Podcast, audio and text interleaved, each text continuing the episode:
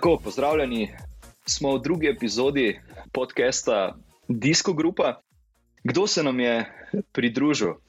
E, Matej Zaler. Zdravo, Matej. Ja, že, že.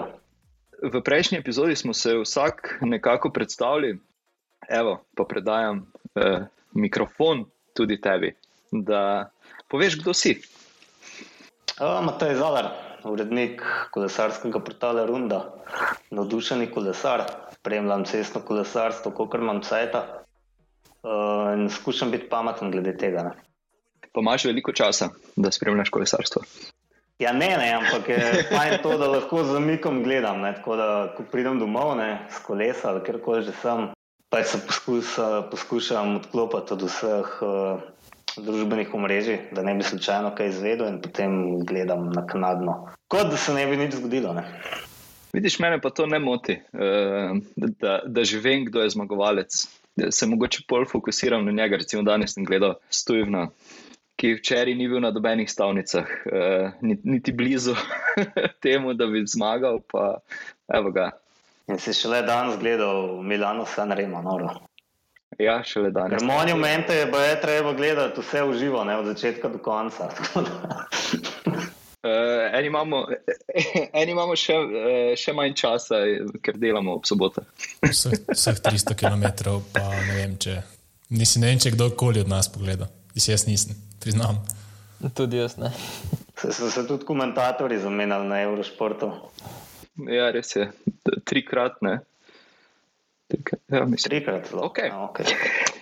Nič, štartemo. Uh, prejšnji teden smo napovedali pregled eh, terena Adriatika in pa napovedali zm zmagovalce Milan San Rema. Uh, vsi smo falili, mislim, da je cel internet falil, uh, ampak ok, gremo lepo po vrsti. Tereno Adriatiko, prva etapa, ja. Tukaj oporne točke, 42 km do cilja, je peloton ujel zadnjega obežnika, 25 km do cilja, nov pobeg, ki ga je potem peloton ujel 10 km pred ciljem. Uh, ja, v sprintu pa, kaj bomo rekli, Martin? Ja, v bistvu tam je bilo vse skupaj zelo, zelo um, ne, ne kaotično, ampak to smo se že tudi pogovarjali. No, da, da so bili ti sprinti vse nekoliko drugačni kot pa mogoče v zadnjih sezonah. In dejansko jaz sem pričakoval, uh, mogoče vsaj na začetku je spadal tudi uh, Gavirja, pa to veliko močnejši, ampak spet, um, če si postavljen prezgodaj, prehiter, um, pride za hrbta v Nerd in videli smo njegovo moč tudi v takšnem sprintu, je pri sprintu klasične sprinterje in je napovedal, da, da je prišel na, na to dirko res za res dirkati in ne se samo pripravljati mogoče na Milan San Remo. Kot smo lahko včeraj videli, tudi uh, Caleb Ewan je sicer bil vidno hitrejši od Van Arta, ampak pač je preveč zadaj začel sprint. Ne. Mezgec pa super na peto mesto, mic po mic pa, pa bo prišla tudi tista etapna zmaga. Ne. Ja, mislim, za Evana, Evan je res fantastičen po eni strani, brez ekipe, vedno nekako najde tam pot v spredje, ampak glih ta pomankanje ekipe se mi pa zdi, da mu včasih zmanjka par pozicij pred sprintom in tudi svojo močjo, ki je izrazito močnejša od ostalih, mogoče mu edini Bennett tu lahko parira, ampak enostavno je bil tudi tu pre, pre, preveč uh, v zadje postavljen pred začetkom samega sprinta. Načeloma, uh, prva etapa zmaga Van Arta, kot smo rekli, drugi etapi pa sicer moram priznati, da nisem spremljal, nisem videl Paca Jana, uh, je bil uh, kje po televiziji viden. Ne, jaz nisem zasledil tega paca, um, ampak uh, mislim, da ni bilo takrat nič hujšega, ker je pol nadaljeval, hitro je ujel in uh, na koncu še pomagal svojemu kapetanu, tako da mislim, da ta padec ni bil, ni igral neke hude vloge. Ok, uh, ja, Sagan odpadel iz pelotona. Uh, takrat so se spraševali, če je to posledica koronavirusa ali starosti, zdaj na Milan San Remo je pokazal kar dobro formo. Uh, je mogoče bil tako kot, uh, kaj bi rekel, Van Art na, uh, ja, zdaj pa mi je zgleda padlo, uh, na Strade Bianche. Ja. Um, ja, mislim, da za Sagana nekako lahko rečemo, pač s tem ne mislimo nad slabega, ampak da so njegovi te najboljši časi nekako mimo. Um, zdaj tisti v največji navijači, mogoče tega ne slišijo prav radi, ampak uh, mislim, da je to kar dejstvo, ker dvomim, da bo še kdaj tako serijsko zmagoval etape na turu, recimo, kot jih je takrat. Um, moram priznati, da, je, da ga še zmeraj nisem navajen v dresu ekipe, se pravi, da nima dresa državnega prvaka ali pa dresa svetovnega prvaka. To mislim, da se še zmeraj vsi kar lovimo, kdo sploh je to, ne se še lepo spomnimo, da je Sagan. Um, ampak ja, nekako mislim, da ni še rekel či zadnje besede, ne še zmeraj bo. Mislim, da ima še zmeraj zelo dobre možnosti, da zmaga kakšno tako veliko dilko, da je to kakšna klasika ali je to kakšna etapa na Grand Touru. Um, tako da ja, mislim, da.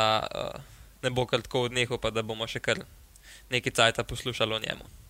Ja, treba je tudi reči, da je bila to njegova prva dirka letos. Da, tudi to. Mogoče ja. ni presenetljivo, da pač eh, čist na začetku, ko so vsi že kar dobro navoženi, on pač odpadel ne? nekaj dirk, ki je le rabu, dobi to noge, da je potem na vse zadnje včeraj nekaj pokazal. Ne?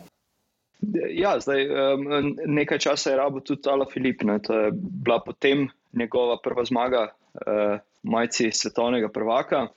Moje strstvo, ne, ampak mogoče imel malo sreče, ker no, sreče. Uh, vendar pol je zamočil, začel je preveč zadaj in na koncu imel, ne vem, je bilo videti predstavo več in na vseh fotografijah v cilju. vendar pol večji, ker je v bistvu mnenjega že padel čez cilj, ko je Ala Filip proslavljal. Um, všeč mi je bilo recimo tam, ko je Vendrpul v bistvu en konkretno nakazal, da je nezadovoljen, ker se je videl, kako je lačen zmakne. Se mi je že zdelo, da se nakazuje nekaj tazga, kar se je potem zgodilo. Kaj pa, kaj pa recimo ta polemika okrog tega, da, je, da ne loviš eh, svojega teammata, žal ali ne, da je napadel, ne? potem pa je v bistvu Ala Filip eh, napadel čez nekaj časa, ne, bil tisti, ki je prvi, recimo, sprožil kontranapad. Ja, ne vem, kaj ne rečem. Nekdo je mogel zmagati, ne mora zmagati. In vprašanje, če so pač zaupali Almeidi, da bo do konca pripeljal, ne vem, mogoče tudi malo instinkta ali Filipovga. Um, kaj pa vem? No? Zdaj, tukaj edini, ki bojo vedeli, kaj tukaj je bilo, bojo pač uh, se pravi člani ekipe in pa tisti v avtu, ki so dajali komande. Oziroma, ja, mogoče tukaj je le Filip delal na svojo roko, je imel pač občutek, da bo riskiral, pa da mogoče pač ali me dojamejo, pa da bo vse en, do čega ujamejo na koncu, le Filip zmagal. Sicer ja, bilo bi tukaj riziko, ne, da se na koncu mu to ne bi šlo, ampak uh, ja, recimo, da je tokrat, kot je že Matej rekel, imel dober instinkt, um, nekak je imel nos, kdaj mora iti, kje mora iti, in na koncu je, konc je pač zmagal. Almeida je bil blizu, na koncu ga res ujel um, zadnjih 100 metrov do cilja, ne? tako da um, ja, na koncu quick step, etapna zmaga uh, in ja, odličen rezultat. Ja, se, potem, eh, da se navežem nazaj na, na, Matejevo, eh, na Matejevo mnenje. Takoj naslednji dan je v bistvu Vanderpool popravil tisto svojo eh, frustracijo in v bistvu zmagal e, v svojem stilu, ponovno, e, s svojim neznačilnim ali pa značilnim e, proslavljanjem. Tisti sprint je bil tako, ni bil jih tipičen. Um, na koncu je bila grupa precej razvlečena, se pravi, um, je šlo kar ena po ena. Um, na koncu, v zadnjih 700 metrih, tam nekje je napadel zdaj nek štibar tako da zdaj je bil to napad nekako zase, je bila to priprava terena. Um, takrat tisti moment ga je Filip pustil in je s tem v bistvu prisilil, da um, je šel Van Art v lov za njim. Uh, tako da tukaj ja, na tem mestu mislim, da je po, porabil kar precej energije. Um, in na koncu mu je mislim, da jih tistih par vatov, uh, ki jih je tukaj porabil, zmanjkalo na koncu, da bi zmagal šprintane. Na koncu mu je pa v bistvu ja, kot smo že rekli, vendar pol pač padel mem, kot se reče v žargonu. Ja, pa še kar je bilo tukaj zanimivo. Ne, um, ne vem, kaj se je tukaj dogajalo z Eganom Bernalom, ali je bil tukaj padec, ali se je pač luknja naredila v grupi, to bo mogoče Martin vedel ali pa Matej. Uh, ampak ja, no, tukaj je v bistvu Ineos nekako po nepotrebnem kasiral 20 sekund, se mi zdi. Uh, tako da, ja, to so take neke um, izgube časa po nepotrebnem, nekaj se pač žal tudi dogajajo. Uh, pa tukaj hkrati tudi TD, ne, spet odličen osmi. Se pravi, res nobene etape nekako ne prepušča na ključu, skozi hoče biti zraven, je to ravninska etapa, je to klanc, kar koli drugega. Tako da ja, je z razlogom na koncu končal generalno seštevko tam, kjer je. Ja, v bistvu Bernal je dejansko ni padel, ampak je ostal v zadnji ujet uh, v, v eni od nesreč. In mislim, da sta pol dejansko tako Tomas kot uh, Sivako počakala in ga, ga pripeljala. Na koncu v bistvu vsi trije bili tam nekje med 18 in 20 sekund v tisti etapi. Ni bil direktno on odbeležen v nesrečo, ampak je glih mu zaprla ta nesreča pot, da bi, da bi lahko takoj šel naprej, oziroma skupino ujel. Ja, tukaj bi mogoče sam še omenil ne. Uh, eno zelo zanimivo ime med prvo peterico ne, je bil Sergio Kigita. Uh, se pravi, že če samo če ga pogledate, ne, to je tako zelo mehen kolesar, droben in je na koncu v bistvu končal uh, četrti v sprintu, ne, kar ni nekako tipično, ampak ja, je nekako pokazal, da se tudi v takih situacijah dobro znajde, ne pač grupa je bila razpotegnjena in uh, je izkoristil priložnosti na koncu, ja, v bistvu je bil še zelo blizu zmagi, čeprav to zdaj leč ni bil njegov teren. Bi pa še omenil, no, da v Nerti pa z drugim mestom si spet neke bonifikacije dobil in uh, mislim, da je imel takrat že 20 sekund prednosti ne, pred Pogačarjem. In ne glede na to, kaj si mislimo, glede na to, da vemo, da je sam rekel, da je po ciklu cross sezoni še vedno majčkan pretežek, se je meni zdelo, da bo težko to pogačar uh, do konca prepelo. Pravno ne mogoče, ampak da bo težko. Pač ja, na tej uh, gorski etapi, ki je sledila, seveda uh, bi pridobil teh 20 sekund z lahkoto, ampak potem tista, ki je sledila, kraljevski. Ni bila tako zelo zahtevna, na koncu je bil pa še kronometer. Ne? Tako da tam sem Piše, da dobro prednost je naredil no? tako v dveh, treh etapah, bum. Ne? Ja, dejansko je bila dobra prednost, ampak eh, me je sicer že blaž prehitel, ampak dejansko je, je tedaj res, mislim, itak, da skozi celoten teren Adriatiko, ampak že do, že do sem je zelo pametno dirkal. Ne. Cel čas je v bistvu bil tam, tam, uh, pa mogoče ni porabilo moči za to, da bi se spustil v kakršne koli šprinte, ki tak proti takim šprinterjem definitivno ne bi imeli smisla. Ne. Ja, je res, ne. Um v bistvu sploh na eno tedenski dirki je 20 sekund že, že kar velik, mogoče na Turu ali pa na Džilu, to ni neka taka katastrofalna razlika, ampak na eno tedenski dirki je pa to že kar ne. ne. Recimo, če se spomnimo, kaj je na zadnje rogla zmagal na Tirenu, ne je bila razlika generalno samo ena sekunda, se pravi, tukaj res. Ni tako, kot lesarstvo velja, da vsaka sekunda šteje, ampak tukaj na takih enotedenskih dirkah pa v bistvu še toliko bolj pomemben. Če nadaljujemo, četrta etapa je tista kraljevska etapa. Bila. Matthew Vanderpool je tukaj taktično se pridružil disko grupi, eh, šparil z močmi. Do zaključnega spona v bistvu se ni kaj dosti dogajalo. Uh, UAE je dobro pripeljal uh, Tadeja do, do tistega klanca. Kaj je bilo takšnega, Martin? Tam, tam se je v bistvu začela ta, ta dejava zgodba, um, on proti vsem ostalim, oziroma bomo videli, kdo lahko gre z njim. Um, zdaj tam so kar en za drugim nekako poskušali slediti, hkrati tudi en za drugim odpadali. Prvi je bil dejansko Tomas, ki je, ki je napadel, še pred Tadejem, tam nekje malo mal po šestem kilometru do vrha. Kmal za njim pa Tadejev napad, ko so ga v bistvu probali pokriti, Quintana je bil tam najbolj dejaven. Um, pol so se pa kar vrstili neki, neki poskusi, da bi, da bi um, ga ujeli. Van Ert je že tam nekako kazal, da, da, dan, da tisti bil njegov dan, oziroma da ta teren pač za njega enostavno ni. No, Jejc je pa potem, Jejc je pa potem pokazal, da, da, da se v bistvu da. Tudi jaz osebno mislim, da ga je vse en, da je mogoče pol mal počakal v smislu, da lažje bo to dva kot pa sam, ker če bi v zadnji bili dejansko vsi složni, vemo, da tudi na tak klanc se, se grupa pozna. In uh, pol z jajcem sta v bistvu dost uh, mirno um, pripeljala, oziroma jajca držal glih na taki razdalji, da me ga je na koncu tistih uh, par sekund tudi premagalo. Ja, v bistvu, kle se pa jaz mogoče ne bi čistrinil, uh, pa ne mi zameriti, uh, ampak jaz ne bi rekel, da je imel Van Er tukaj slab dan, ampak bi rekel, da je imel. Ni imel pač tako dober dan, kot ga je imel tedaj, ok, to je dejstvo. Ampak um, ja, imel je pa odličen dan. Se pravi, če samo pogledamo na rezultate, kakšni, kakšna imena so zaostala za njemu, ker to niti slučajno ni njegov teren, taki klanci. Um, v bistvu ugotovimo, kakšen uh, dosežek je to za njega, da na takem terenu, v bistvu, že samo Bernala je stresu, Geranta je stresu, en kup takih imen, ki na takih dirkah zmagujejo, so na koncu končali za njemu to je tako res izredno.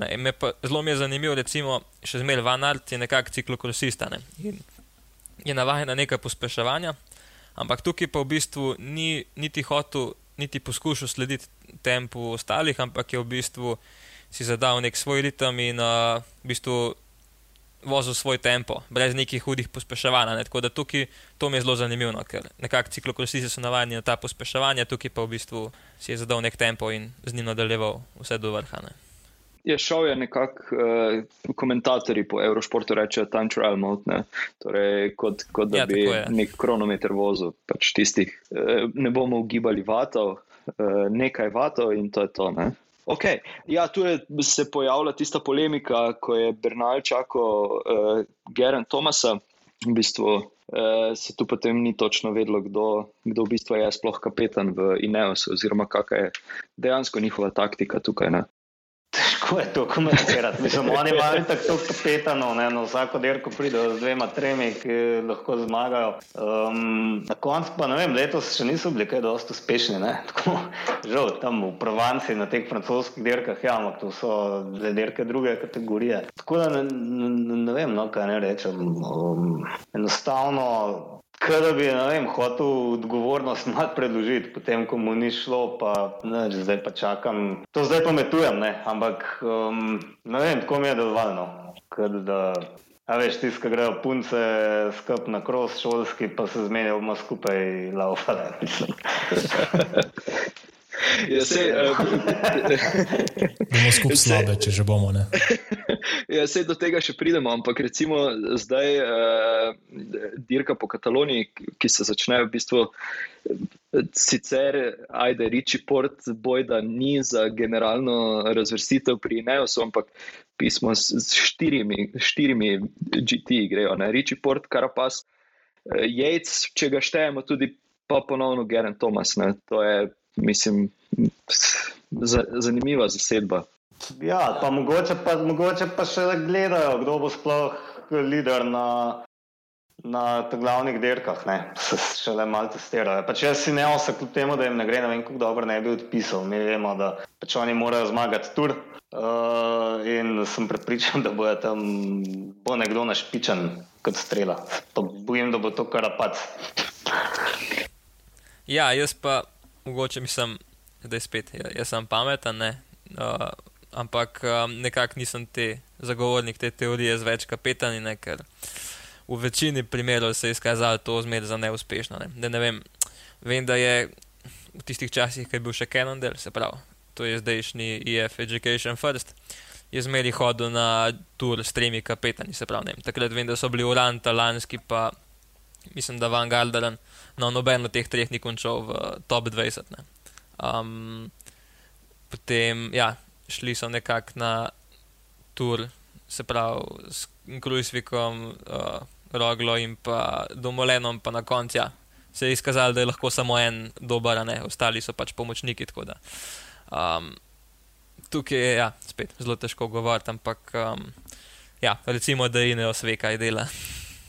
Mislim, če kdo ve, ve Ineos, ne, se vemo, da so že večkrat dokazali, da tudi dva na podiju Elizejskih poljan v skupni razvrstitvi eh, lahko imajo, um, tako z Bernalom Tomasom, pa še prej Tomasom Frumom. Um, tako da oni vedo, ampak predvsem glede na to, da gre Bernal na Giro, kar je zdaj že več ali manj potrjeno, Um, ne vemo, pola bo šel še na tur ali ne, ampak oni bojo rabili vsaj glavnega kapetana, zdaj bodo spet poslali celo armado. GC-jev pa se bomo zmenili na cesti. Mislim, da ne, no. mislim, da tudi ekipa ni, ne deluje na ta način, da bi pa na cesti se odločalo vse skupaj, ampak bojo prej imeli neko hierarhijo, ki pa se seveda tekom dirke uh, lahko spremeni. Uh, če se pa navežem na Mateja, da bi bil karapas na turu, po eni strani bi bil vesel, ker vemo, da je stale mal daljša kronometra in tam bi tudi uh, rogla in tedej proti njem znala pridobiti. Um, če se pa spomnimo na tur, mislim na Džiro, ki ga je karapas dobo pred primožem, nas pa lahko mogoče skrbi, da bi ga spet po mojem podcenjevala, ampak mislim, da je zdaj že to um, bila šola za nazaj in da se kaj tega ne, ne more narediti še enkrat. Zdaj, zdaj smo enih eh, pet minut porabili, mogoče pa je Bernala samo križ bolev, ne tako lani na tur. Pa, pa mi tukaj samo fantaziramo in razpravljamo za brez veze. Ja. Ja, mo, če ga je bolel križ, je to problematično. Ne? Mislim, vse vemo, da ga vas čas boli, ampak to se mu lahko zgodi še marsikaj. Zdaj ja bo vsa cela, druga, cela ekipa delala za človeka, ki ga potem bodi križ, sem pa tja, vprašanje.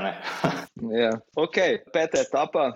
50 km do cilja je Tadej eh, imel tehnične težave. Zdaj, eh, kdo je to napisal, fucking sram ali fucking kampa? okay. To je sedaj vprašanje. ja. A vemo, kaj je bilo, Blaž? Um, Ja, ne vem, so bile neke težave z verigo, ali se mu je ketna nekako zadnji izmenjalnika dol padla. To nisem čisto točen videl, ampak um, mislim, da je bilo nekaj izmenjalnikov, ena težava. Ja. Ja, tu je v bistvu bolj impresiven ja, tisti napad uh, Matthew Vanderpoola, uh, dobrih 50 km pred ciljem. Ne. Pa potem, seveda, uh, proti napad Stadeja, ki ga je skoraj da dobil, medtem ko je Matthew krvavi pot potil. Um, Ja, tuk, v bistvu tukaj, um, glede tega sem jaz govoril tudi z Mihom Konciljem, se pravi, za tiste, ki ga mogoče ne poznajo, ne vejo, kdo je to. Ne. To je v bistvu človek, ki je Tadeja najdu, um, ki ga je treniral dolga leta, uh, ga nekako usmeril in ga v bistvu zelo dobro pozna. In je rekel, da ta etapa, se pravi, peta etapa na Tiljano Adriatiko je v bistvu Tadejova najboljša predstava, ki jo je kadarkoli pokazal, tudi boljša kot tista, ki jo je pokazal lani na, na predzadnji etapi Tura, ker v bistvu to je bil za TD-ja vseeno nekako neznan teren. Um, nima nekih izkušenj s klasikam, ker so v bistvu res. Če ste pogledali recimo, profil te dirke, je bilo samo v bistvu gor dol, gor dol, taki kratki klančki spusti. Uh, in nekako je bila to neznanka, ker se ni vedel, kako se bo na takem terenu odrezal. Um, ampak ja, kot se je na koncu izkazalo, pač um, na koncu mu niti nekaj dosti zmanjkalo za, za še eno etapno zmago. Tako da, ja, pač če lado dol, to smo res bilo lepo gledati. Tem, da vendar Pula je v bistvu ubil, to, to je bilo noro, človek je kome prišel čez cilj. Um, Beno mi je postavil, spet sem na to navezal, da ta etapa ni bila narejena za TD-ja. Ta etapa je bila narejena v bistvu za Vanderpula ali pa Vanerta. Um, Vanerto je po tej etapi nametal ne vem koliko, tam je pač zmagal. Ne? Po tej etapi ni bilo več, praktično ni imel več šans. Vanert v kronometru prekratkem in tako res, no se kar strinjam, da je ena boljših predstav. No? Zaradi tega, ja, ker je uh, etapa mu v bistvu sploh ni ležala, ne? čeprav lahko sprašujemo, kaj njemu sploh ne leži. Je bilo pa tudi, se mi zdi, kar narosno, to, da več zadaj, to, da je več pred ciljem napas. Um, tako zelo pogumno. No? Od obeh, od obeh pogumno. Ne? No, ampak za Vanderpula je tako, vemo, da je, da je norne, poleg tega, prav, da ga je samo zebal, ker je ta klasičen kolesarski izgovor, se mi zdi, od ne vem, nekih skupnih rund do derkne. Um, ja. Ja, če, če je za Vendrpola bilo to v bistvu nekaj normalnega, da skočiš pač 50 km pred ciljem, pa kar bo dal, bo dal, um, je tedaj res tu šel, tu šel na glavo. Um, lahko bi veliko zgubil, on bi lahko na tej etapi recimo se. se prekuril um, veliko velik stvari, no je bilo to pa to vprašanje. Ampak kar je meni bolj impresivno pri Vendrpolu napadu, je to, da je majster jedel, ko je napadal. On je imel gel v ustih, pa je šel napaditi pač za sabo, pa vanerta.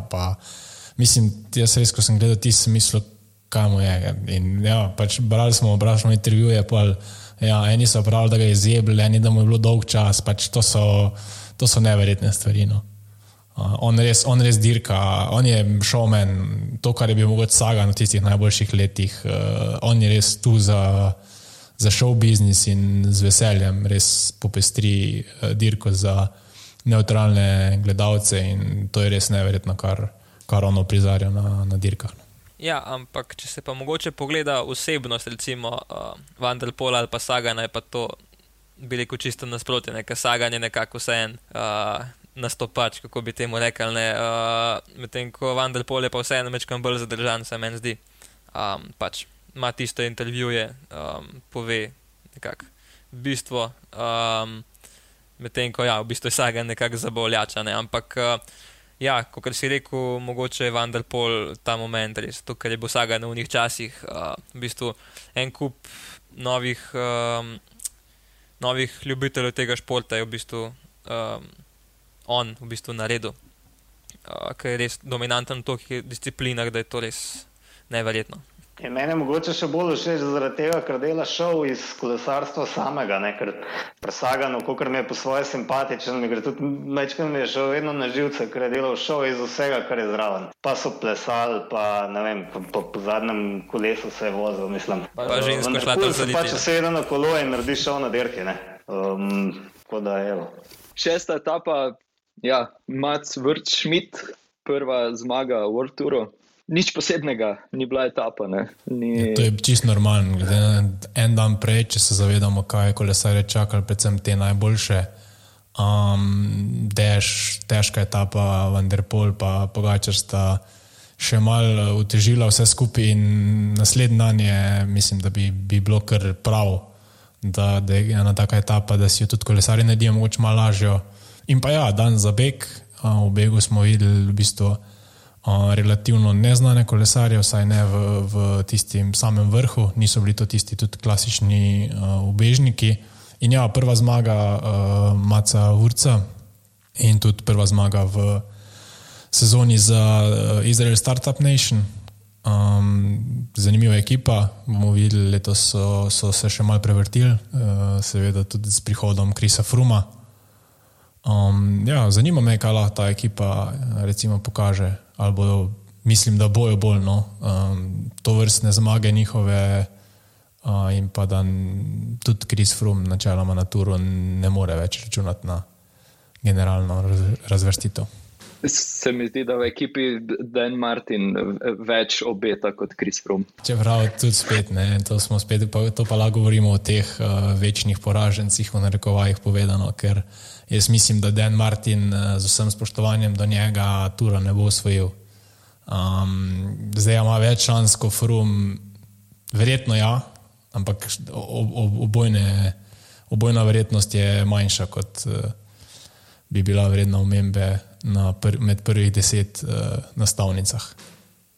Na splošno se mi zdi, no, da je ta ekipa tako malo skupaj nametana iz uh, nekdanjih zvezdnikov, ena, uh, kot da gledal masterja no, ali kaj je to že, že ena kategorija, master bus, no, nad 35 let. Um, ne vem, no, točno, um, kaj je fora ekipe. No.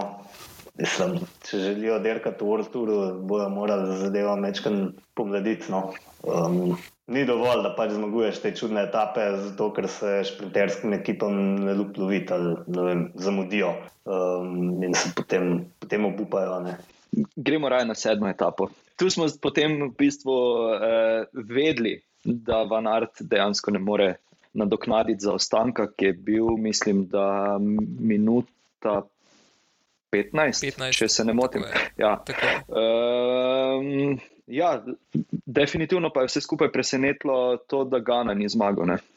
V bistvu Gana je zmagal zadnjih ne vem koliko kilo, uh, kilometrov, mislim, da 8, tako je. Ja, tako da nekako je bil že takoj šok, ki ga je Stefan Kung, se pravi, evropski prvak, prehitil. Um, že to je bilo tako kar presenečenje. No, tudi, um, nekako smo vsi pričakovali, da Gana da bo v bistvu zmagal brez težav, ampak na koncu um, mislim, da mu je 5 sekund dal, se pravi, za tako kratek kilometr, to je že kar lepa razlika. Um, in kar je še bolj impresivno, v bistvu je Pogačar končal samo sekundo za svetovnim prvakom v kronometru. Tako da, um, ja, spet je dokazal, da ne bo nobene sekunde poklonil van Altu, ampak da bo res grizel do tiste zadnje, do zadnje črte. Uh, in ja, to mu je na koncu tudi uspelo. Ne. In pač to, da je Vaner še kronometer zmagal, ne? to je pa bila itak pika na i. Ne vem, tega nisem pričakoval. No? Um, nisem ga pričakoval, ne vem. Pričakoval sem, da bo Kung uh, hitrejši, no? ampak evo, lej, mislim, res nora forma. Tudi potem, ko pogledaš skupni seštevek, pa ko pogledaš vse ostale dirke, vse v Pogačarju, pa Rogliču, najmočnejši kolesar za etapne dirke, če tako pogledaš, ne? ta hip. Um, vem, imamo Buhman, uh, lahko pride zraven, ne vem, dvomam. Ne? Tako da, evo, med top etapnimi kolesarji. In v kakšnih drugih časih, ko so bili dosti daljši kronometri na tri tedenskih dirkah, bi lahko bil pa mogoče tudi konkurenčen za utri, recimo, ne? časi, ko so bili kronometri dejansko dolgi eno uro, 55 km. Ja, zdaj, v trenutnih eh, razmerah, če druga ne, že zaradi francozov tega ne dajo, ker pač eh, enostavno nimajo uh, pravega kolesarja. Pustimo, da že tako ali tako niso konkurenčni za GC, ampak tudi s tem poskusim prilagajanja cele trase, pa kronometrov, pa vsega tega. Ne bomo videli uh, daljših kronometrov. Se pa strinjam iz tistih časov, um, ko so bili dejansko 55 po 2, celo recimo 55 km. Kronometra bi pa v NERT dobu kar nekaj časa tudi proti recimo tistim lahko kategornikim, ki bi ga načeloma puščalo zadnji v gorskih etapah, ampak uh, ima to smolo spet, da je res ta dej tu nekje zraven, ki bi v hrib se verjetno peljal hitreje, uh, na, tudi na teh 55 km kronometrih pa ne bi zaostal preveč. In uh, ja, za Vanerta res ne vemo, ne vemo, če se on ne zna ampak mislim, da tudi, tudi po, po uh, vse stranskosti ta dej kar blizu in res tudi vidimo, da ta dej pele kronometer, pele klanec, v šprintih je nekje med 10-20. Tako da ja, to, to, to so neke, neke do, nove dobe kolesarstva. No. Tudi vsi poznavalci pravijo, da, da česa takega včasih ni bilo. No. Mogoče tudi kančelara, ki se je znal pelati na klasikah zelo dobro, pa odpeljati kronometer, pa recimo, da nekakšne krajše etapni dirki, recimo dirki po Švici, uh, lahko zmagal, drugače pa tega ni bilo načeloma. Uh, kolesar, ki bi lahko zmagal vse discipline, se ga recimo ne spomnim. V, v krajši zgodovini. To tisto dirko po Švici so naredili za kančalaro, klanci so bili vsi pod nogo, tako da ti ga skoraj ni mogel zgubiti. Ampak ja, se strinjam. Ja, zdaj, eh, najboljše vprašanje, oziroma zanimivost, človek, ki ga nismo zdaj v slabih 40 minutah niti enkrat omenili, pa je zasedel tretje mesto. Ne? Kdo je bil tretji? Landa, ampak se je vsaj večkrat pokazal. No? On se je vsaj parkrat smo ga videli, kot smo nekajkrat videli tudi uh, Simona Jajca, no? vsaj to. Um, Medtem ko na katerih drugih pa niti opazili nismo. Ne? Recimo Tiboja Pinoja. Njega smo upozorili, ker je odpadel ja, nekje, kjer se še niti klanci niso začeli resno. Ampak ja. Ker se iz Landa v bistvu vse čas nekako norca delamo. Ne? Uh, ampak še zmeraj za tretje mesto um, moš ti kar nekaj pokazati. Ne? Sploh, um, recimo, tudi Tireno letos je imel veliko boljšo konkurenco kot kar Pariznica, tako da um, končal je pred Bernalom, tako da jaz smo vseeno kako koli, kakšen ime ima, ne, ampak um, mu je lahko čestitam za ta tretje mesto. No. Kva pa vemo, lahko se mu pa to sezono tudi odpre. Ne, ne pa se jaz niti ne želim norca delati z njega, ker mi je tudi kot kolesar zelo všeč. In, um, na vse zadnje pogosto ne opazimo tistega, ki je bil tretji. Veš, na tretjem mestu se lahko nekako prikradeš, ne, zato da zmagaš se moraš ven metati, ne, si vedno na kamerah. Tretji se pa lahko mečkrat pošmugla, uh, mi ne bo, bom na lepem tretji, ne. Mi pa to lahko, seveda ne. Se mi zdi, da se je super pošmuglo do tretjega mesta, ker res ni, ni nikjer posebej izstopal, je pa, je pa cel čas eh, držal tisto, uh, kako bi temu rekel, glavnino, kakorkoli. Ja, gremo na včerajšnjo La Classicissimo.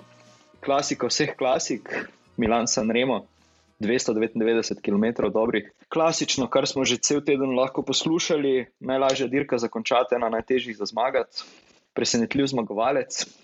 Ja, kot smo že rekli na začetku, doben ga ni niti uvrščal na stavnice. Kaj bomo rekli?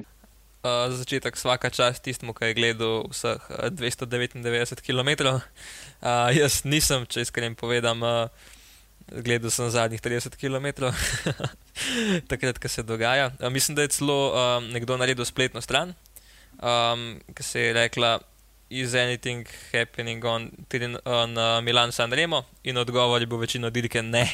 Se pravi, cela spletna stran je bila samo sta, uh, beseda ne. Tlih, uh, tako da ja.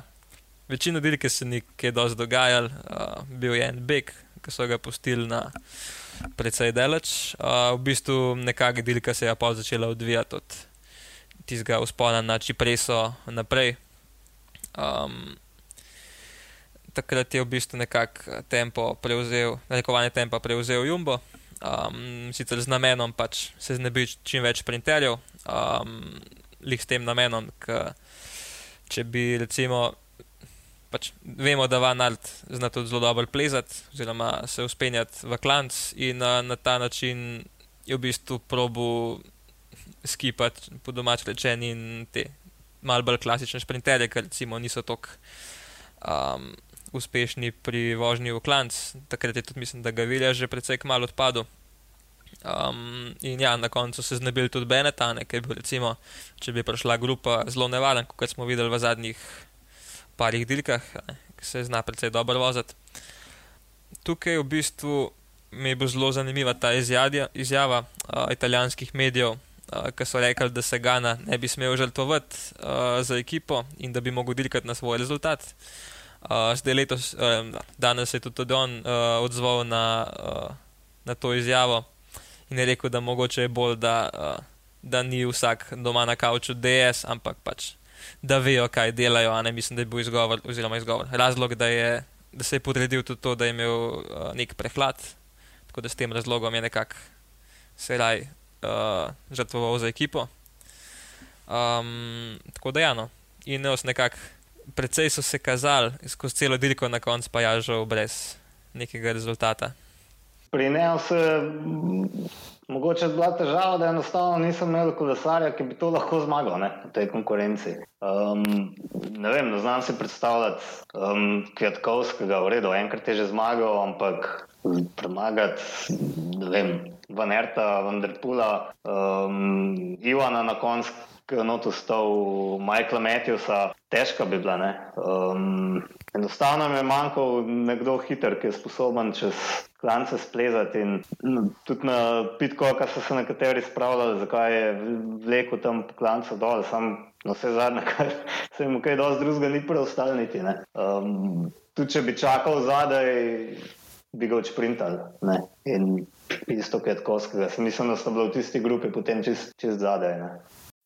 Ja, ona, ona dva sta prišla z Ala Filipom, pa čist na repu te skupine. Ampak ja, enostavno niso imeli oni kolesarja v primerjavi z Evanom, Vanertom.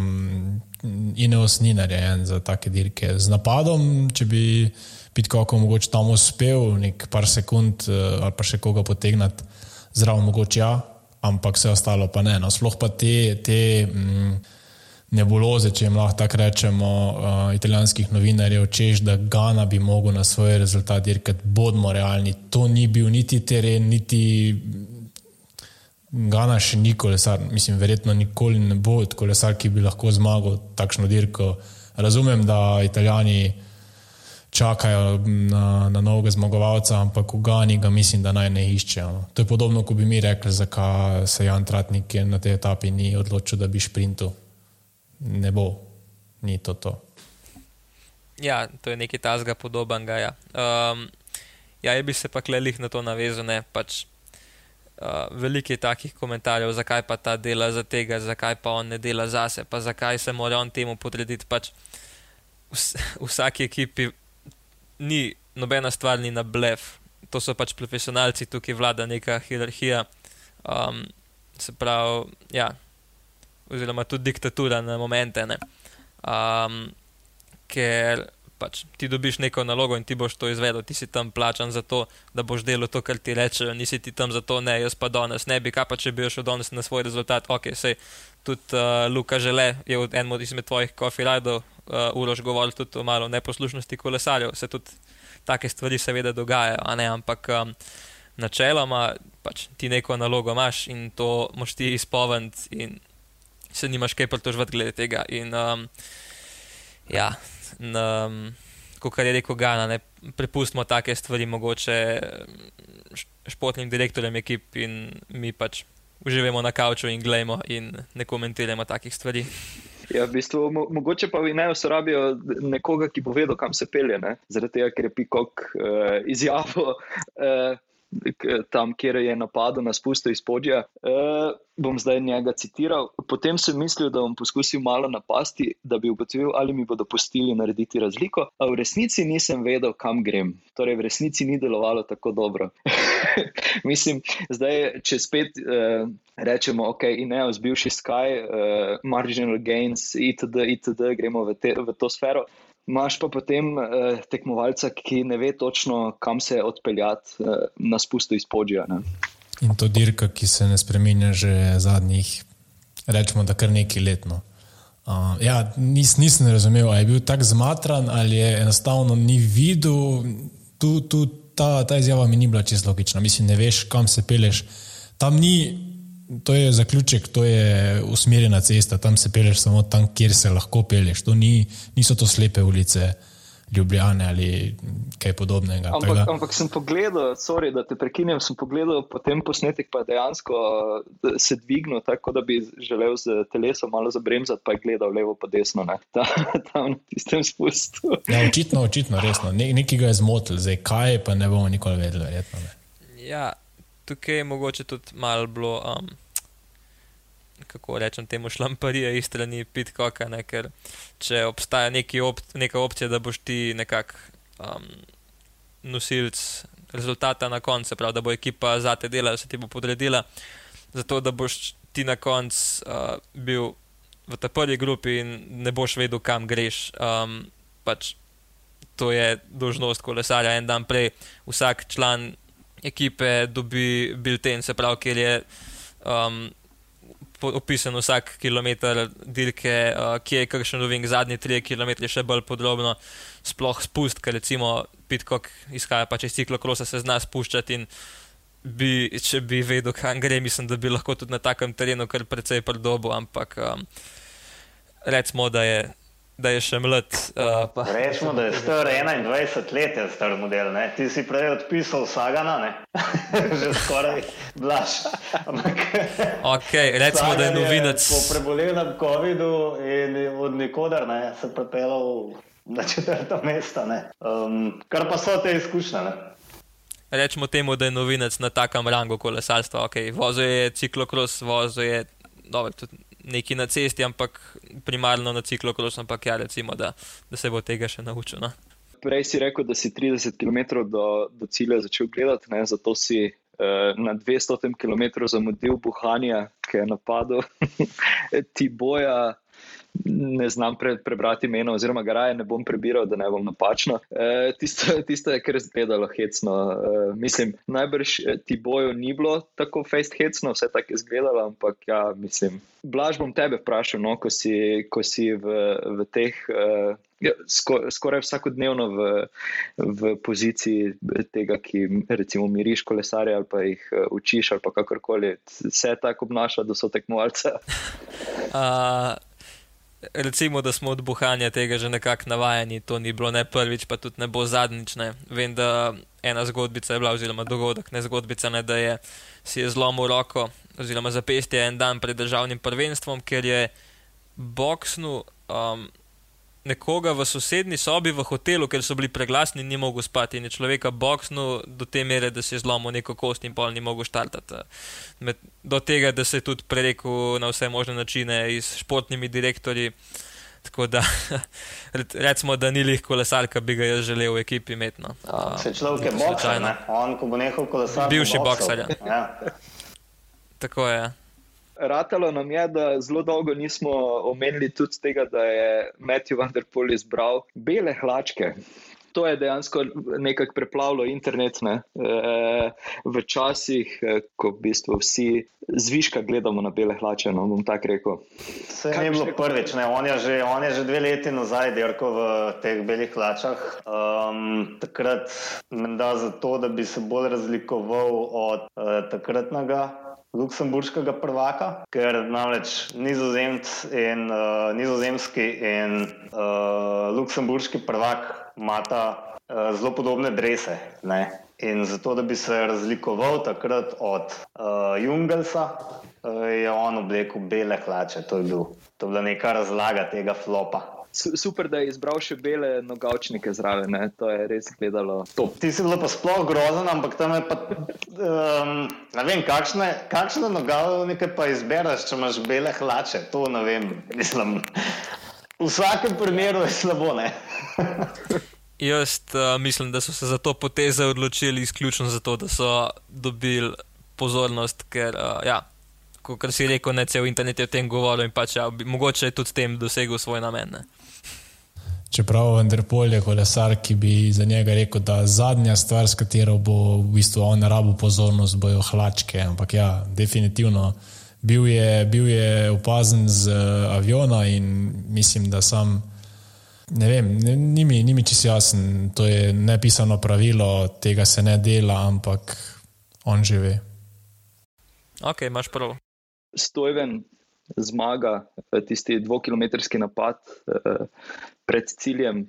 Nekako v bistvu se mi zdi, da doben ni želel pokriti, ker so vedeli, da bojo s tem pripeljali Keleb Juvana do, do šprinta. Se mi zdi, da je, da je v bistvu se zelo, zelo dobro pelo uh, Juvan. Pa ne, sam, niso se bali samo, da bi Ivana pripeljala šprint, ampak vsak, ki bi pokril, bi ustrelil en metak ne? in bi teže šprintal. In tukaj se pač poleg tega, da je pokazal veliko poguma in da je pač bil močen, se mu je ta kombinatorika poklopila. Pač spredaj so bili sami potencijalni zmagovalci. Tudi na vse zadnje eh, se mu je poklopilo to, da noben ni na njega računal. Ne? Če bi tako le skočil kdorkoli drug, ne vem, od Divana do Vanderpula, do Vanerta ali pa Filipa, bi ga pokrili takoj. Ko je šel on, so se pogledali za sekundo, dve, evo, in se jim je odpeljal. Potem je imel še večkrat sreča, da je uh, Krag Andersen se zraven priklopil, um, mu dal tisto smeno, dost močno in evo, mora samo še do konca odšprintati. Tako da v vsakem primeru mi je pač všeč, da je zmagal nekdo četrti, zato da ni videti, da so vsi ostali za nič v primerjavi s to sveto trojico, ki je vedno med favoriti. Um, tako da, fajn, evo. Ja, zanimivo mi je bilo to, ko si omenil, da te um, dejansko kdorkoli bi napadel, bi sebe izločil iz te igre in mogoče sem tu pogrešil ekipo, tako nek quick step. Benet je imel v bistvu neko tehnično težavo, um, par kilometrov prej in dejansko je bil izločen. Tam mislim, da ga je en od kolesarjev počakal, je bil to zdaj nek štibar, trenutno ne vem. Ampak. Pa, on je imel že, že dolg nazaj, imel težavo, že pred Čepreso. In je potem lih pod Čepreso, se mi zdi, da je ujel, eh, potem sicer ostal zraven čez cel klanc, ampak eh, na podžo pa ni šlo več, ne? ker je pač tam ustrelil metko, še pa još. Pač sprinter je mogel tako rekoč čez klanc ujet. Še, še Vanderpool mu je nekaj z bidonom šprical, eh, nekaj v gonilko ali nekam ali v, v bremze, tam na tisti ravnini do, do podžja. Tu tu bi rabljeno, no, mogoče. Ali Filip je pol prvi nekako poskusil ujeti Stujvena, se praktično so ga skoraj ujeli, sej en skok je bil še potreben, ampak je dejansko Stujven glih tisto menjavo. Krak Andersenovo počivo, glih dost, da je prišel do moči in, in full gas tistih zadnjih, uh, mislim, da je bilo malo manj kot 100 metrov. Ampak ja, to, to spogledovanje smo že večkrat videli rajš izgubijo uh, dirko, kot pa da bi, kdo, da bi omogočili enemu od njihovih tekmecev, da, da jo dobi. In to se je zdaj že kar parkrat pokazalo. Tudi na svetovnem prvenstvu, konec koncev, ko je La Filip napadel, so se zadaj mogoče malo preveč gledali in potem noben jih hotel pomagati v Nertu. ker so vedeli, da če bomo tebe pripeljali, boš ti prvak, ne pa mi. In, ja.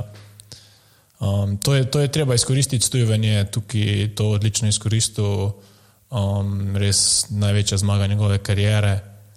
Uh, se pa strinjam z Matejem, da je res dobro, da, da ne bojo ti, ti trije kolesari dejansko posem zasenčili vse ostale, ampak da se taka stvar tudi, tudi ni mogoče da vedeti, da konec koncev niso samo oni uh, možni zmagati spom, enega od spomenikov.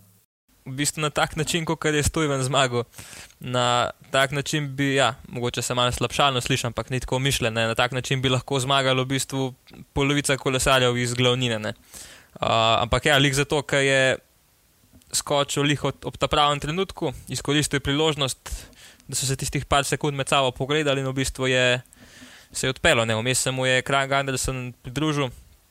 Um, in je v bistvu neki cajt reskiral, ne? se pravi, postavil se je za njega in ni dal smene, in je v bistvu čakal, ne? zdaj ali ga bo pripeljal do cilja, tega Andersena bi nekako on že odšprintil. Ampak hkrati pa ni smel začeti prepozen, ker grupa je bila že zelo blizu. In jaz mislim, da je res ujel ti zadnji moment, da je začel šprintom, uh, lihta pravo sekundo, da je na koncu končal tiste dva metra pred, pred Evanom. Mislim, vse, ko se pogleda za nazaj, je vrhunsko uh, izvedel to, vse, kar je izvedel. Ne? In tisti napad, in potem to, da, da se je postavil za krah Andersena. Zdaj, kaj sem jaz tukaj napisal, pa mogoče je tudi strel mimo, ali pa ne, zakaj mogoče ni ta dej vseeno šel na štart. Se mi zdi, da bi, eh, ne bom rekel, dlje zdržal, ampak da bi se bolje odrezal kot recimo Kristof ali pa Gavirja, ki jo je. Če se prav spomnim, že na Čipresi odrezalo, ali če pa ne, pa potem na podžju, ker hitro. No. Gavirja, mislim, da je odrezal že prej. Ne? Ne, ja. Mislim, da, lani, da lani je uh, Pogačar celo izjavil, da so me zdeli, da pođejo tako malo počasne. Ampak takrat so dejansko delali za Gavirjo. Um, ja, le, to, tokrat ga pač ni bilo. Ne vem, spet, a veš, enako kot Ineos. Kaj bi pa naredil potem on v cilju? Um, ja, gor na čebrez, bi se pelal z eno nogo. Ampak potem imaš okoli deset sprinterjev, ki jih pač ne moreš premagati. Kakšen ga že, vseh pa ne. In je najbrž prav, no, da so stavili na ta dva, ampak to, da se pogovarjajo, to počas tako slabo pele, to pa je malo zaskrbljujoče. Ne? Jaz bi prej rekel, zakaj recimo Mark Hirši ni šel na, na tako dirko kot pa Tadej.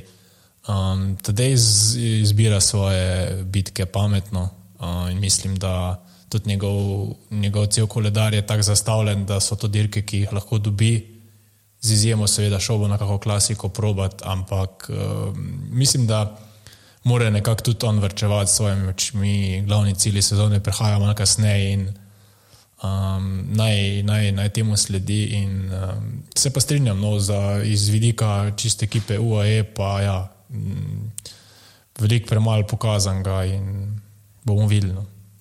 Zdaj tukaj sem še jaz eh, pripravil eno, recimo, da upam, da zanimivo stvar. Torej, to je zdaj bila že druga zaporedna belgijska zmaga, lani je pa Nard zmagal, letos torej Stuven. E, so pa v bistvu v 50-ih letih prejšnjega stoletja dirko v glavnem zaznamovali belgijski in pa španski šprinterji. Po letu 1953 pa italijanski kolesari v bistvu 17 let niso mogli priti do zmage.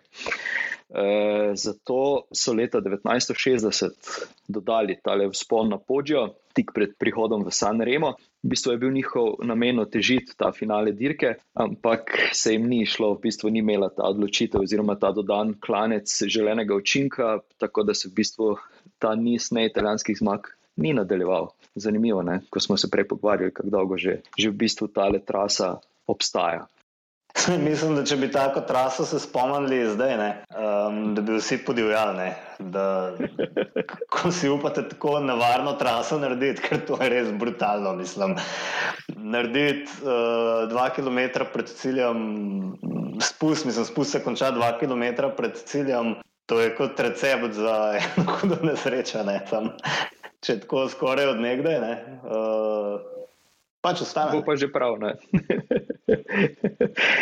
ja, se v bistvu, mislim, pripravil sem si malenko zgodovine, zaradi tega, ker je res zanimivo, da je 1910 zaradi ekstremnih vremenskih razmer se je takrat v bistvu vpisala, vpisala ta dirka v to večno slavo, torej med legendarne dirke spomenike. Zaradi tega, ker je v bistvu bila tako močna snežna nevihta, da so se kolesari mogli zateči v hiše ob cestah in da v bistvu štartalo jih je 63, torej 63 kolesarjev je bilo na štartu, končali pa so jo samo štirje. E, tako da zmago je takrat sicer francos.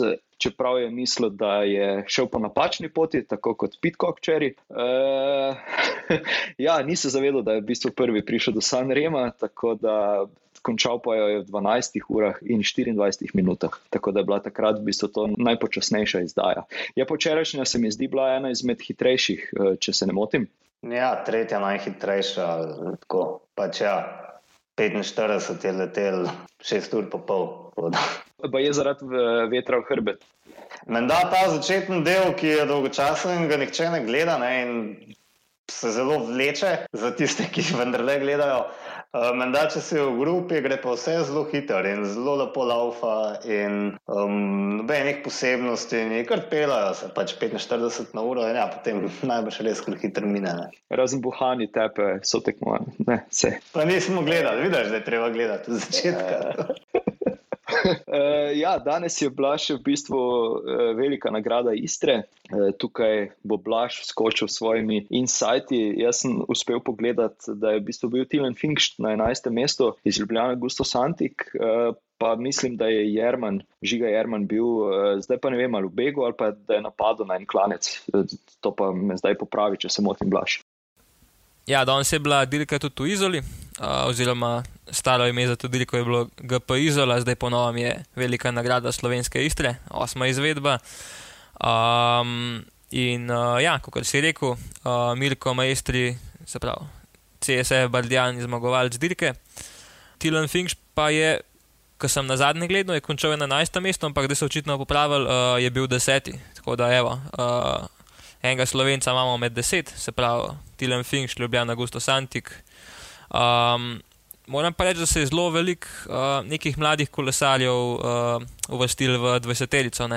Viktor Potočki 18, Martin Laudi 17, Skok 15, Omadzev 13, to so v bistvu res taki kolesari, ki jih do zdaj mogoče nismo tako v spredju videli, ne? ampak uh, ja, nakazuje pa na nek mogoče nov trend, da se tudi. Um, lahko tudi mladi kolesarji slovenskih ekip vodijo nekje v spredju. Um, zdaj med samo dirko, um, ne vem čisto točno, kaj se je dogajalo. Kot sem slišal, so imeli precej vetra, uh, kar je nekako značilno za, za to dirko. Enkrat so jo mogli uh, celo, uh, oziroma so mogli spremeniti traso, ker je bilo, uh, bila taka burja, da ni bilo uh, mogoče voziti. Uh, in so zato v bistvu naredili nekoliko krajšo dirko, samo po ulicah Izole. Uh, ampak ja, danes so vseeno izvedeli vseh 156 km. Um, naslednji teden sledi dirka GPA Adriamobil, se pravi na Dolensko, se seli uh, in bomo videli, uh, kaj so tam za nas pripravili uh, slovenski kolesari. Odlično kar sem še danes videl, uh, potekala je tudi uh, trofejo Alfredo Binda, torej uh, dirka za ženske. Elisa Longoborgini uh, jo je zmagala, italijanska prvakinja je v bistvu s ponom na Orino pred zadnjim krogu napadla, pa na to 25 km solo vožnja. Nobena od tekmic ji ni mogla slediti. Na drugem mestu je potem v bistvu prišprintala Marijan Vos, na tretjem mestu pa Cecil Utrup Ludvik, na šestem mestu pa Mavi Garcia iz Ale BTC Ljubljana. Ma kdo, mogoče kaj več informacije, kdo si ogledal, ali nismo imeli časa tudi na tega gledati? Ne, jaz sem si pogledal na hitro. Um, mislim, ne na hitro, pogledal sem si kar zadnjih, zadnje tri četrt ure, zadnjo uro. Um, pa če Lisa Longo Borgini jih je razturala no, v slogu Vendrpula skoraj. Um, tako da zdaj zadaj niso mogli, koliko jih je bilo, 5-6, uh, 5 mislim, da.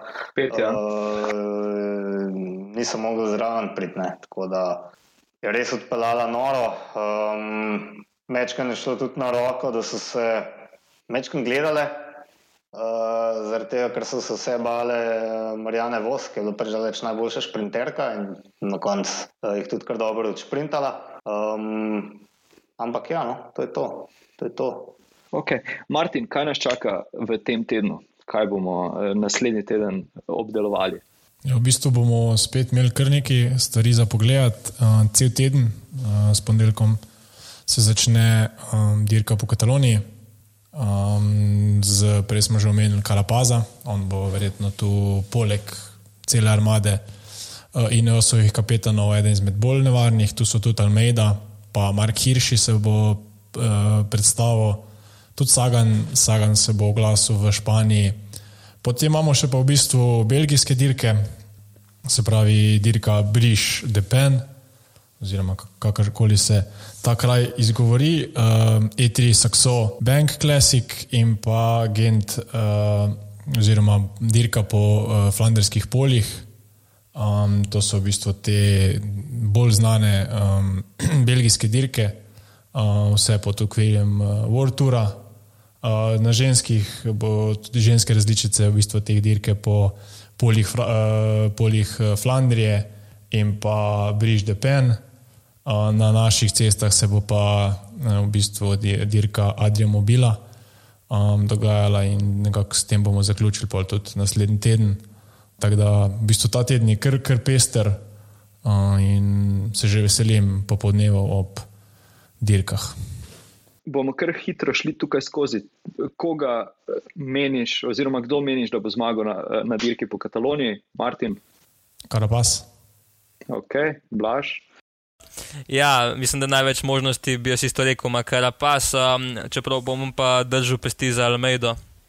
Res mi je všeč njegov stil uh, dilkanja, zelo je agresiven, um, skozi neki napada, skozi probava. Ja, jaz bom navil za njega, ampak ja, mislim, da realno največ možnosti ima pa Karabas. Okay. Ja, največ možnosti ima kar pa, ampak um, Hugh Carter bo mandat dirkal. Tako da ne pozabimo, on je bil dober, kar dober, da ne na žeru. Tako da, le, evo, če ste vsi rekli, kar pa se, bom jaz rekel, karti, evo, da lahko za koga navijal. Še nekaj je zanimivo, da bo uh, Frum uh, dirkal na rezultat in bo cela ekipa delala za njim. Ja, to bo tudi uh, zanimivo videti, tega se veselim. Jaz bom pa rekel, da bo uh, Valverde kronal za zmago, pa bo potem rekel, da ima vsega dovolj. Vedno je zelo dobro, kot je. ja. uh, ok, uh, dirka od Bruža do Depana. Kdo je tukaj favorit, po tvojem, Martin? Zdaj jaz dam drugim možnost, da prvo zberejo Beneta, ja, okay. jaz vzel koga drugega. Tako da jaz bom vzel našega bokserja. Okay. Ja, jaz bi tukaj izbral uh, Jasperja Philipsena, uh, prav še en mogoče šprinter nove generacije, ki uh, lahko še zelo veliko pokaže. Um, sploh na takih terenih se tudi Lange zelo dobro vozi. Tako da ja, jaz rečem Jasper Philipsen. Ja, zanimivo je, kako se boste s Timom Meljejem zmenili. Tako da tudi on v bistvu več pokazal ne, v šprintih letos. Uh, tako da, ja, predvsem Phoenix ima dva na terenu. Ne. Jaz pa bom rekel, da ne bom zbral vsem Beneta, uh, bom pa rekel, da se bo mogoče kolbrelijo vse poklopilo. Bomo videli. Ok, uh, E3, Saxo Bank, klasika.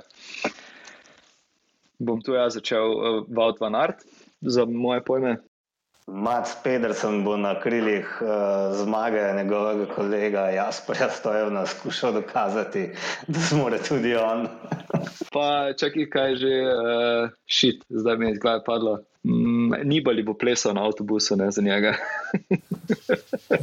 on vas ta je zelo dober kolega. No? Um, dejansko v ekipi so veliko novinarji sprašvali, zakaj ni Petersna na, na dirki Milan San Remo. Ampak dejansko je Mac tudi, mislim, da je en taki kolesar, ki bi dejansko na tej dirki lahko dosegel. Zdaj, glede na to, da noben od vas ni vzel v Nepola, bom pač to naredil jaz. Se mi pa zdi tudi, da, da recimo spet uh, urošev izbor uh, Milan Sanrema, Davide Ballerini, tu ni posem uh, odpisan, tako da tudi na njega bi v bistvu nekako mogli biti pozorni. Um.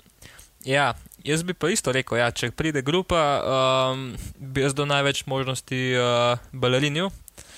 Um, nekako, če pa pride do neke uh, manjše skupince, oziroma ja, bi pa kar rekel, van art. Potem nam ostane še Gent, uh, Wevergen, tukaj, uh, ja, ajde, Matej, da vidimo. Ja. Ja. Čakaj, a vendar pulna dirka tam. Aha. Ja, ne, pa mora imeti. za- Načeloma, načeloma ne. Potem mora imeti za Vanerta. No. Okay. Ja, jaz bi rekel Sam Bennett. Okay. Blaž, da te slišim, ali jaz povem. Jaz, okay. jaz, eh, jaz sem izbral tukaj uh, Arno de Marija. Se mi zdi, da se, ja, da, da se včeraj dejansko tam na podju uh, kar dobro peljal, potem se je malce sicer zgubil, ampak ja, ok. Um, ja, jaz bi pa rekel, da uh, se bo tukaj zgodil nekaj tazga, kot se je zgodil na Milanu. San Remo se pravi, da bo zmagal nekdo, ki ne bo favorit.